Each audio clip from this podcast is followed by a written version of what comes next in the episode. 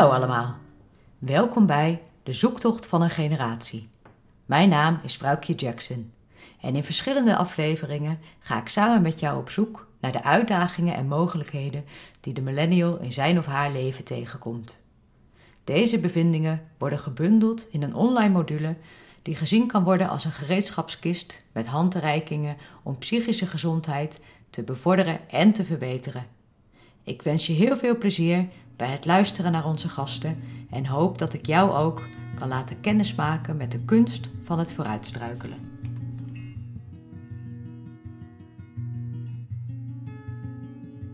Vandaag stel ik je graag voor aan Bram de Ridder.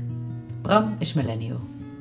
Afgestudeerd als psychiater en socioloog gaat hij op zoek naar de impact van taal in hoe wij denken over psychisch lijden. Dit leidt ons al pratende langs een breed scala aan onderwerpen.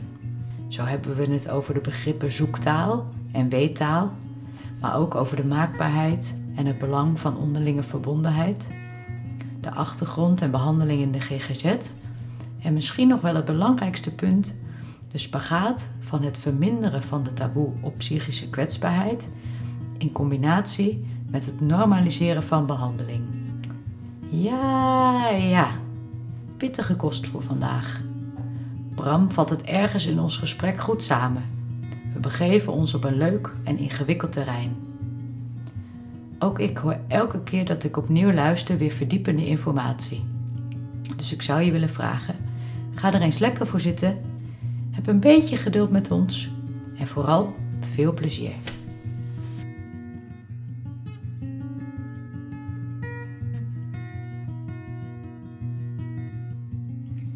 Goedemiddag, Bram de Ridder. Goedemiddag. Wat ontzettend leuk dat je mee wil doen met deze podcast. Ja, dat vind ik ook. Fijn dat, het, fijn dat dat kan. En zou jij eens eh, kunnen vertellen wat je doet in het dagelijks leven? Ik doe in het dagelijks leven. Nou, wat relevant is voor deze podcast, is denk ik dat ik werkzaam ben als psychiater op een uh, polykliniek voor persoonlijkheidsstoornissen, heel psychotherapeutisch georiënteerde werkplek. En daarnaast heb ik sociologie gestudeerd en dat kleurt ook wel heel erg mijn denken over, over psychiatrie en over behandelingen en wat is dat nou psychisch lijden.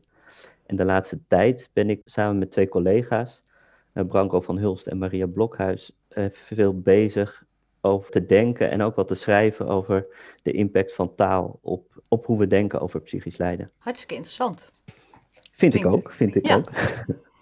Um, en waarom ik jou uit heb genodigd is dat we daar veel millennials in behandeling krijgen in de praktijk waar ik werk. En dat we aan het kijken zijn van wat is nou een, slimme manier om die behandeling vorm te geven. Omdat de wachtlijsten heel lang zijn. Uh, en ik vraag me dan ook af, is er een, een andere manier uh, om die behandeling uh, of de structuur daarvan te veranderen, zodat, zodat de wachttijden minder lang worden en dat mensen ook zelf wat meer kunnen doen aan hun psychische gezondheid.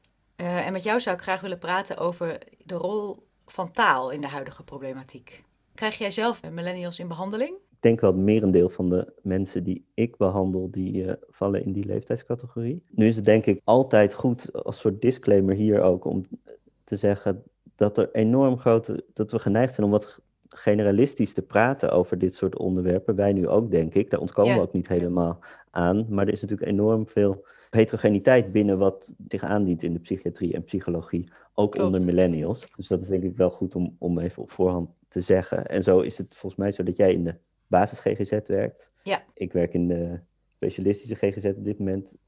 Wat ook al een verschil is, denk ik, qua problemen die zich aandienen. Ja, dat sowieso. Um, maar overeenkomstig is dat deze mensen die bij ons aankloppen, of door anderen naar ons toe worden gestuurd, op een gegeven moment hebben bedacht dat hun problemen, of hetgeen waar ze tegenaan lopen, iets is voor een, uh, voor een professional. Ja. Dat het iets is waar ze, uh, bij een professional, uh, waarvoor ze bij een professional te raden moeten gaan. En dat is eigenlijk al een heel interessant startpunt, vind ik, van hoe, hoe komen mensen daarbij? Ja. Um, en daarin speelt taal, dat is je vraag, denk ik een belangrijke rol. Ja, dat Eh, klopt. en ook, ook de associaties die we, de talige associaties die we hebben. Eh, als je denkt aan een druk kind, eh, nou ja, in westerse landen, denken denk ik de meeste mensen onmiddellijk, gaat er een lijntje naar ADHD. Ja, Onmiddellijk een, een associatie die er is. Eh, in de taal en daarmee ook in ons denken. Of je zou kunnen zeggen in ons denken en daarmee ook in onze taal. Dat is natuurlijk Ja. nooit helemaal eh, op die manier te ontrafelen eh, wat er het eerst is. Maar de, dat is denk ik heel, nou, ik vind ADHD is heel illustratief voor hoe, ja, hoe, hoe, hoe het psychisch en psychiatrisch begrippenkader gemeengoed is geworden. In denken over, nou laten we het breed noemen, op de een of andere manier storend gedrag of storende gevoelens. en heb jij eh, ook een idee vanuit, vanaf wanneer dat ongeveer begonnen is? Mm, nou, ik denk dat dit een. eh, d- er zijn in de jaren 70 en 80 al eh, boeken verschenen waarin dit ook wel beschreven eh, wordt.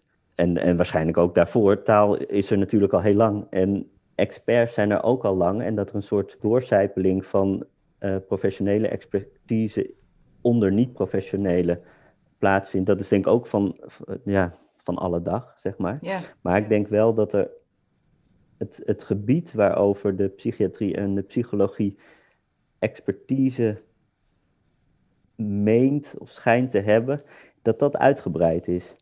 En dat dat ook samenhangt met, met de afkalving van andere gezaghebbende instituties, zoals onder andere eh, religie.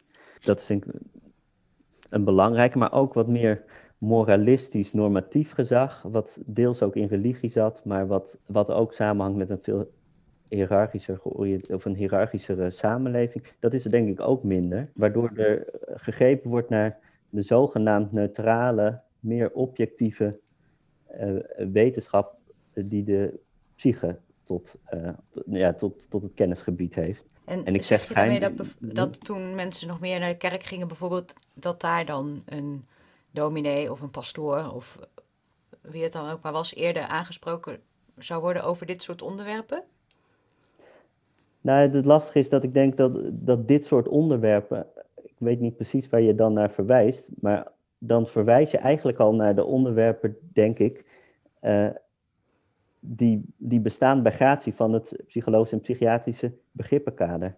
Dus ik weet niet of, Ja. of, of een. Dus ik denk sowieso dat een samenhangend met psychiatrisch en psychologisch denken, een heel eh, op het individu gerichte benadering, da- dat die daarmee samenhangt. En dat dat ook al een verschil is met, met eerder, eerdere tijden. Het idee dat een individu een probleem heeft, eh, als die bijvoorbeeld eh, druk is, Ja, en dat het niet het probleem van de docent is in een klas, of het probleem van de school, of je kan overal een, een, eh, op allerlei, eh, je kan overal het probleem aanwijzen, maar wat wij doen en wat we onszelf allemaal aanleren, is een, eh, een individu te identificeren met een probleem. en dat is vooral, denk ik, westers denken. Ja. Ja, ik dacht niet zozeer in termen van een, een aandoening of een stoornis, maar meer aan menselijk lijden op zich. En dat is denk ik van alle tijd, tijden. Ja. En eh, ja, waar, eh, waar gingen mensen daar eerder mee heen? Dus nu komen ze dan bij een neutrale professional. Ja, dus waar gingen ze er eerder mee heen, maar ook hoe begrepen ze het eerder? Ja, Lijden is in. Lijden is ons lot, in, eh, vanuit, ook vanuit sommige religies. In- ze- zelfs tegen het deugdzame aan. Als je niet, niet lijdt, dan ben je al snel een, een heidense hedonist, zeg maar. Dus Ja. eh, de, de- in, eh, vanuit een ander eh, perspectief. Dus het hele besef van lijden eh, en van psychisch lijden op individueel niveau als een probleem, dat is wellicht als een probleem dat ook aangepakt moet worden. ja, Wat, je, wat, je niet moet, wat je echt niet moet ondergaan.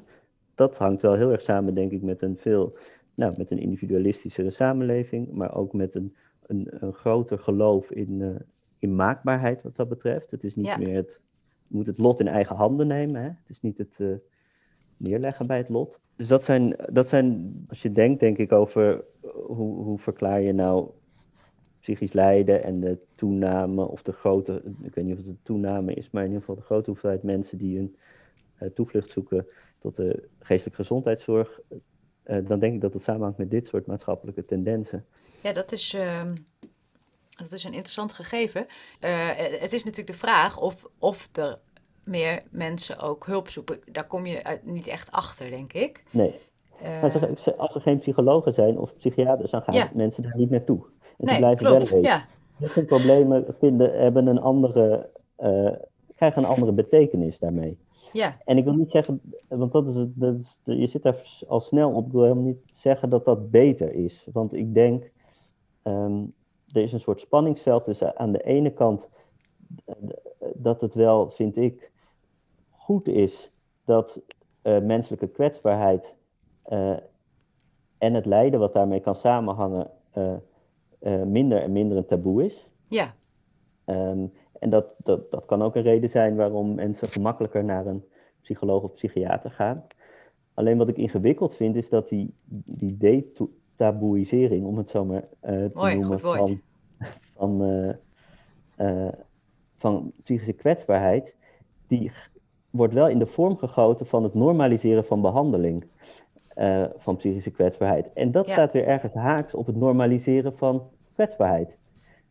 Uh, of het, daar zit in ieder geval spanning uh, tussen. Dat, je, dat het kwetsbaarheid mag wel en psychisch lijden mag wel. Sterker nog, het is heel normaal. Maar dan moet je wel laten behandelen. Ja. Of daar, en dat, dus dat, ik heb altijd een, een, dat geldt ook voor al die die destigmatiseringsbeweging heb ik vaak een wat ambivalent gevoel bij. Omdat het, destigmatisering die gaat nooit zo, of zelden zo ver dat het echt normaal is. In de zin van dat er echt geen behandeling nodig is. Ja, dus dan zou je idealiter eh, kwetsbaar, je op kwetsbaar op kunnen stellen zonder dat daar een taboe op heerst en daar oké mee kunnen zijn. Ja, of niet oké mee, mee kunnen zijn. Alleen de, de, de neiging om je heil te zoeken bij een professional en ik, ook hier, ik hoor mezelf praten en ik denk, Bram, rustig aan jij. Want dit is ook, niet, dit is ook heel generaliserend. En je bent er ondertussen, ik, ook van overtuigd dat het goed is om af en toe met iemand te praten die wat meer afstand heeft. En uh, op die manier zaken op een, dat je op die manier zaken wat meer op een rijtje kan krijgen. Ik vind dit dus altijd uh, zowel een leuk als een wat ingewikkeld terrein om je op te begeven. Het zou voor mij meer waarde hebben als het ons lukt als mensen met elkaar om, om onderling meer verbonden te zijn en, minder, en meer kwetsbaarheid er te durven laten zijn, dan dat dat er alleen maar kan zijn of primair is in de spreekkamer bij de psycholoog. Nou, dat is denk ik een heel mooi uh, uitgangspunt en dat uh, probeer ik ook in de training die ik dan heb ontwikkeld voor elkaar te krijgen, dat mensen daar ook uh, met elkaar over praten. Want het maakt het natuurlijk ontzettend kwetsbaar als het delen van kwetsbaarheid afhankelijk is van of mensen zoals jij en ik daar tijd en ruimte voor hebben. Ja. En daarbij denk ik ook nog, en dat kunnen we, vind ik, onszelf als beroepsgroep wel aanrekenen, hebben we, werken we al tamelijk lang met toch min of meer een, een aandoening en behandeling logica. Dus iemand heeft een aandoening en die kan ervoor behandeld worden. En dat hele gegeven dat iemand iets heeft wat alleen wij kunnen vaststellen. En als wij het hebben vastgesteld, of wat mensen inmiddels ook zelf kunnen vaststellen, omdat we in zo'n gepsychologiseerde samenleving leven, mhm. waarin al die begrippen gemeengoed zijn. Maar het, het, idee dat er iets is wat iets anders is dan wat, wat eigenlijk onderliggend is aan wat mensen ervaren, dat hebben wij wel de wereld in geholpen, terwijl we daar tamelijk weinig uh, uh, grond voor hebben. En, en het leidt ook heel snel tot cirkelredeneringen, waardoor mensen, en desalniettemin komen mensen via die cirkelredenering toch bij de psycholoog.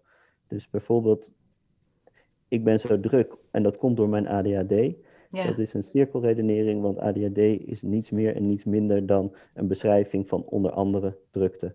Ja. Uh, dus dan zeg je eigenlijk, ik ben ik ben druk omdat ik drukte heb. Maar met ADHD wordt het iets, dat is een afkorting, en dan wordt het iets onduidelijker dat het die cirkel, daarmee wordt die cirkelredenering eigenlijk gecamoufleerd. En het is die camouflage die maakt dat mensen toch het idee hebben dat ze echt iets hebben waar dus ook echt een professional nodig voor is. En zou dat anders kunnen? Heb je daar ook over nagedacht? Hoe, hoe we dat anders zouden kunnen Nou ja, vormgeven? wat lastig is hierin, is dat ook ik alleen maar kan denken en werken met de begrippen en kennis en instituten die we nu hebben. Mhm. En soms heb ik het idee dat het alternatief daar dusdanig buiten ligt dat, dat ik het niet kan bedenken. maar wat ik wel denk is dat, eh, en we hebben dat in een, de- met de collega's die ik net ook noemde, eh, hebben we een artikel geschreven eh, over taal. En daarin maakt het onderscheid tussen zoektaal en weettaal. En, ehm, Zoektaal en weettaal? Weettaal, ja. Ja.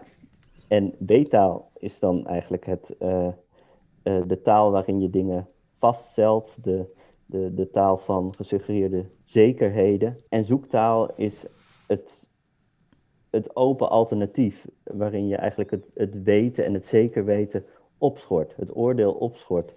En eh, eh, veel meer formuleringen ook gebruikt en taal gebruikt, eh, die, die blijk geven van dat je het ook niet weet. Dat je, Mhm. samen, naar, dat je samen zoekt naar waar iemand nou aan- tegenaan loopt. En heb je daar En, een voorbeeld van? nou, ik denk dat wij in de dagelijkse behandelpraktijk niet anders doen, als het goed is, dan Nee, Dat, dat vermoed werken ik ook. Eh, alleen onze lieve luisteraars weten dat misschien nog niet. Nee, het is vooral niet het gebruiken van weettaal. Dus zeg niet, oh, ik weet wat jij hebt. Jij hebt ADHD. Nou, wat je dan moet doen, is dit en dit en dit en dit. En misschien Ja. een beetje medicatie. Dat is de oplossing. Eigenlijk, zodra je dat niet doet, en er zijn heel veel mensen die dit toch wel doen, overigens. Ja, Maar zodra je dit niet doet, dan zit je al in het domein van de zoektaal. dus je gaat samen op zoek naar wat er nou aan de hand is met die persoon, zonder het per, per se iets te, te willen noemen. zonder het iets te willen noemen. En ik zou eigenlijk eh, nog het wat breder willen trekken. Je gaat samen op zoek niet eens naar wat er nou aan de hand is met dat persoon. Want het kan ook, het kan ook in de omgeving zitten. Kan ook, en daar heeft een persoon, daar heb je vaak minder invloed op. Soms wel. Je kan natuurlijk in de, con- de context van een gezin, daar kan je soms nog wel als individueel behandelaar, kan je daar wat mee. Met de docent wellicht ook. Maar de samenleving kan je in de spreekkamer met z'n tweeën niet veranderen.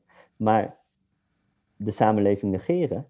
En negeren dat er een, eh, bijvoorbeeld een enorme prestatiedruk is al op jonge leeftijd. Eh, dat, er, dat er allerlei maatschappelijke zaken zijn die ook deel zijn van het, het individuele lijden, onderdeel en mede-oorzaak. Dat negeren, dan doe je volgens mij ook op een problematische manier afbreuk aan de werkelijkheid, aan de realiteit. Dus dat moeten we meenemen. dat moeten we meenemen.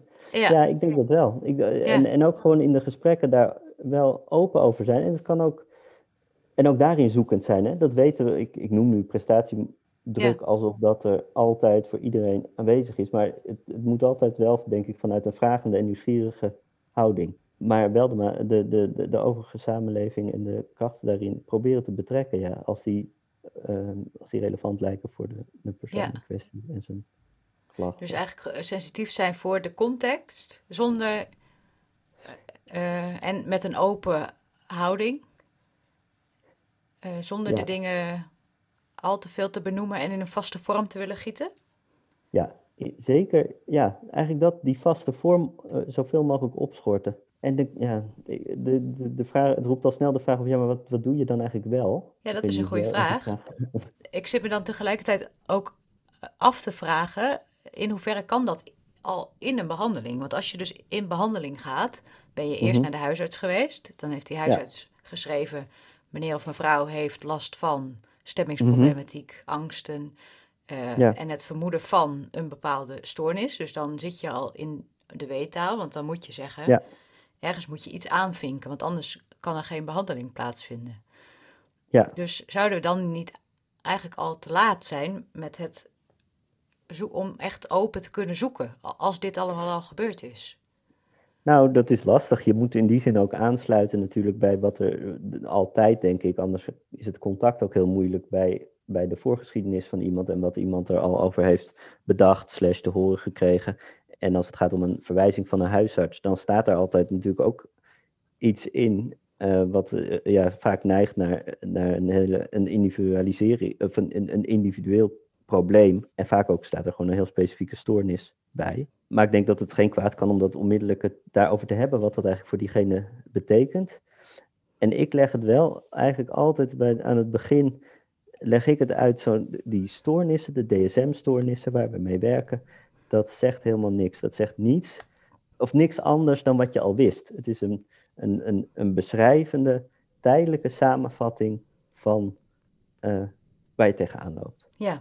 Niets meer en niets minder. En we moeten er nu, ook door hoe de boel gefinancierd is, uh, moeten we daarmee werken. Maar laten we vooral even kijken wat er nou, wie jij bent. En ja. wat, er, wat er in jouw leven op dit moment speelt. Um, en het is onmiddellijk persoonlijk, ja, veel uh, toch persoonlijker maken. En het ook, dus ja, dat is mijn neiging om het wel weg te trekken bij die, bij die klassificaties. En zeker weg te trekken bij de illusie dat die klassificatie een verklaring biedt voor datgene waar iemand last van heeft. Ja, dus dat, dat klinkt al uh, heel open en, en mooi als iemand in behandeling is. En wat mij nou zo fijn zou lijken, is mm. als we dat nog eerder kunnen doen. Dus dat er niet en een huisarts Ja. nodig is. En nou ja, misschien iemand als ik in de basis GGZ en vervolgens iemand als jij in de specialistische GGZ. Dat we zoveel schijven verder zijn. Dus hoe zouden we dat, als we daar nu eens over nadenken, waar kunnen we dat nog eerder toepassen? Hoe zou je mensen dat Ja. eerder kunnen leren, zodat ze niet vasthangen aan die, aan die labels? Mm, ja, op- eh, dat is lastig, want het, eh, zoals we net ook zeiden, deels hangt hoe het nu gaat samen met allerlei eh, krachten in de samenleving. En we kunnen natuurlijk maar, wij hebben ook maar heel beperkte knopjes om aan te draaien. Mhm. Maar als ik, ik denk dat het uitdragen, en dat kan natuurlijk heel goed al voor de, dat ze aankloppen bij een GGZ-instelling, uitdragen dat voor psychisch lijden van wat voor aard dan ook, de GGZ mogelijk een oplossing biedt, maar dat het ook niet de enige, de enige manier is. Of heel veel manieren zijn om je eigen lijden of de dingen waar je tegenaan loopt te begrijpen. En dat je daar ook vooral met elkaar over moet praten, mag praten, met mensen die dichtbij je staan. En dat dat ook al, dat dat ook al heel veel kan helpen. En heel eh, prettig is ook. En ik, ik, ik ben nu ook, ik voel me steeds op glad ijs, want ik denk, ja, ik wil ook niet zeggen, ja, je kan net zo goed met je buurvrouw een praatje maken als met een psycholoog. Mhm. Zo plat zou ik het ook niet willen slaan, maar het idee dat eh, wanneer je angstig bent, eh, dwangklachten hebt, wanneer je somber bent, wanneer je dingen hoort die anderen niet horen, al die, die, die, die problemen. De GGZ biedt een heel specifiek, eh, een heel specifieke manier van daarmee omgaan. Gaan. Dat kan veel mensen helpen. Maar het is zeker niet het enige. En eh, het kan ook een mismatch zijn. En je kan, dus eh, ik, ik zou vooral uit willen dragen dat het idee dat wij de experts zijn, en met name de enige experts op deze gebieden, dat dat eh kul is. Nou, het is, het is denk ik een heel kwetsbaar evenwicht. En eh, eh, kijk, de mensen die bij ons komen, die, die hebben vaak nog geen eerdere hulp gehad. Dus wij zijn naast na de praktijkondersteuner van de huisarts eh, Ja. vaak het eerste station. En, en dan vind ik het altijd zo zonde als iemand nou, drie, vier maanden op mij zit te wachten. En dus wacht tot, totdat hij met mij kan spreken zonder dat er iets tussendoor gebeurt.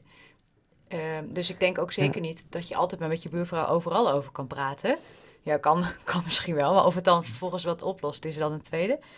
Eh, eh, ik denk wel dat het heel mooi zou zijn als we daar ook andere manieren voor vinden. Dus nu is het eigenlijk al zo, Ja. hoor ik heel veel mensen zeggen... nou, mijn ouders zeiden, je moet maar naar een psycholoog. Of mijn vrienden zeiden, het gaat echt niet goed met je.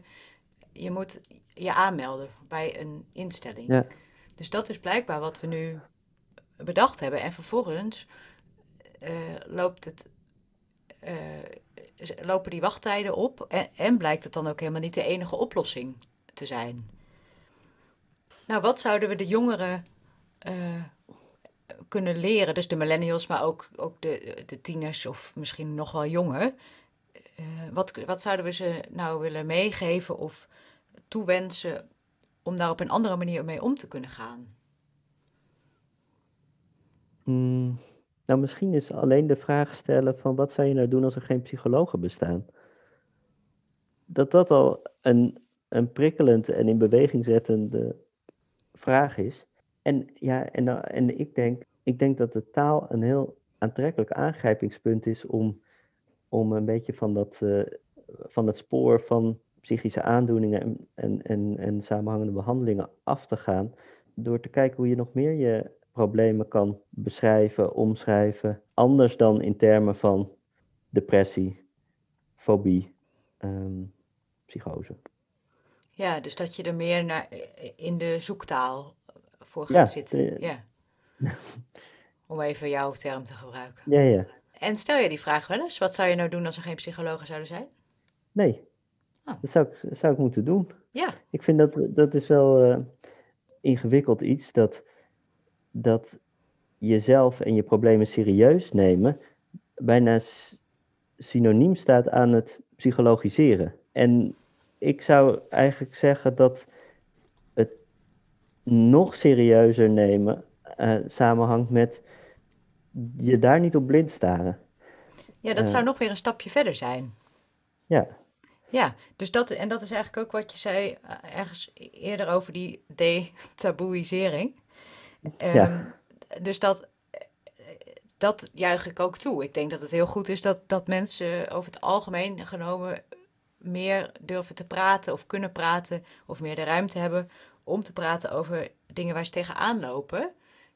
Uh, betekent niet dat, ja, dat dat dan per se met een neutraal persoon hoeft. Dus eigenlijk zou je, zou je misschien wel hopen dat als we dat nog beter begrijpen of daar dus meer ruimte voor onszelf voor creëren, dat je dan ook niet naar een neutraal persoon toe hoeft. Dat dat een volgende stap zou kunnen zijn. Ja, en daarmee samenhangt ook dat er meer, ja, dat er meer variatie mag zijn. Want ik, ik denk dat die, hier heb ik geen harde cijfers voor, dus het is een beetje speculatief, maar ik heb het idee dat de, de, de bandbreedte van wat, van, de, de, van wat we aan variatie qua psychische gesteldheid, qua gedragingen, qua emoties accepteren met z'n allen, dat die gemakkelijk kleiner wordt doordat we alles in. in, in uh, doordat we voor veel naar een psycholoog gaan. Uh, dus, dus het zou ook wat doen, en dat is me wel wat waard, als, we, als het leidt tot veel meer tolerantie ten opzichte uh, en acceptatie van, van, hoe we verschillen, allemaal. Ja. En, hoe, en hoe dat zowel onderling als, als met onszelf door de tijd heen, dat er, dat er heel veel meer variatie mag zijn. Ja, dat zou hartstikke mooi zijn. Want dan eh, is er ook minder afwijkend gedrag en hoef je daar ook niet voor naar een psycholoog. Ja, en dat, ook hier loop je altijd het risico dat, de, ja, maar mensen hebben daar toch last van. Uh, dus wat, wat loop je de boel nou te bagatelliseren? Dat is een gemakkelijke reactie op zo'n soort uitspraak. En ik voel ook wel, daar voel ik deels ook in mee. Um, maar alleen het feit al dat iets als een afwijking of aandoening wordt bestempeld, zorgt ook voor lijden.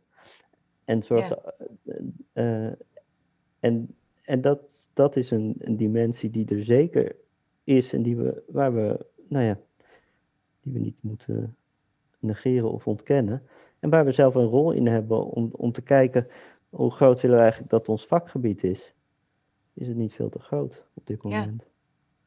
Ja. ik zie vooral de ruimte daarvoor. Dus ja. voordat iemand eh, die gang heeft gezet uh, naar de huisarts dan. Dat is de, de meestal uh, de aangewezen persoon die dan verwijst. Ja. Dus ik hoop hiermee ook mensen te bereiken die nog niet op dat, op, op dat punt staan. En, en wat zou je ze dan... Dus die wel denken, goh, nou ja, het leven, het is niet altijd even makkelijk. Ik denk dat dat, ja, ja dat, dat, dat is zo. Leven is, is lijden en um, dat hoort, hoort erbij. Dus tenminste, zo zie ik het dan. Dat is natuurlijk ook maar de vraag of mhm. andere mensen dat op die manier zien. Um, maar mensen die wel denken, goh, ik heb wat ingewikkeldheden in of mijn leven of in de mhm. context. Uh, wat, wat zou je die mensen mee willen geven als we het hier zo over hebben?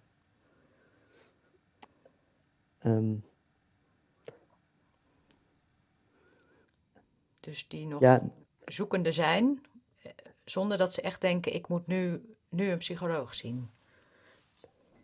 Nou, neem het serieus door er, uh, door er met anderen over te praten. Met mensen die dicht bij je staan. En ik kan me wel voorstellen dat daarin, zeker op scholen, wat, dat wat natuurlijk ook de basis is van ons aller leven, uh, dat het heel erg kan helpen als er daar momenten zijn waarop ook de, de, de diversiteit in, in psychische gesteldheid en in uh, dingen waar je tegenaan kan lopen, dat daar ruimte voor is. Je, je moet denk ik waken voor, voor iets uh, dat te moraliserend of te normatief wordt. Dat er een mm -hmm. soort idee is van wat psychische gezondheid inhoudt. Yeah. En dat je daar dus les in kunt hebben. Maar ik denk dat alleen al een plek waar je samen daarover kan praten en stilstaan bij dat er kwetsbaarheden zijn, dat dat al veel, veel doet. Veel goeds ja. doet. Ja. Ik vind het een hele mooie uitdaging. Ja. Wil je nog iets anders toevoegen?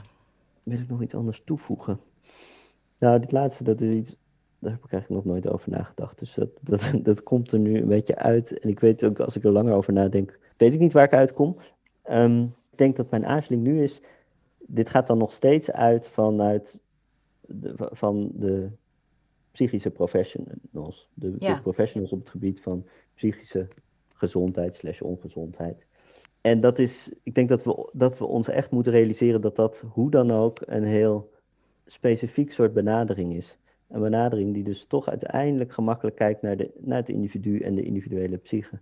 En dat, het, uh, en dat is misschien niet aan ons, maar dat het wel goed is als wij ons ook realiseren dat er allerhande context is die ook relevant is voor hoe mensen erbij lopen. En dat als we zo'n psychische gezondheidsles hebben en iemand zit niet lekker in zijn vel en die gaat daar wat over vertellen.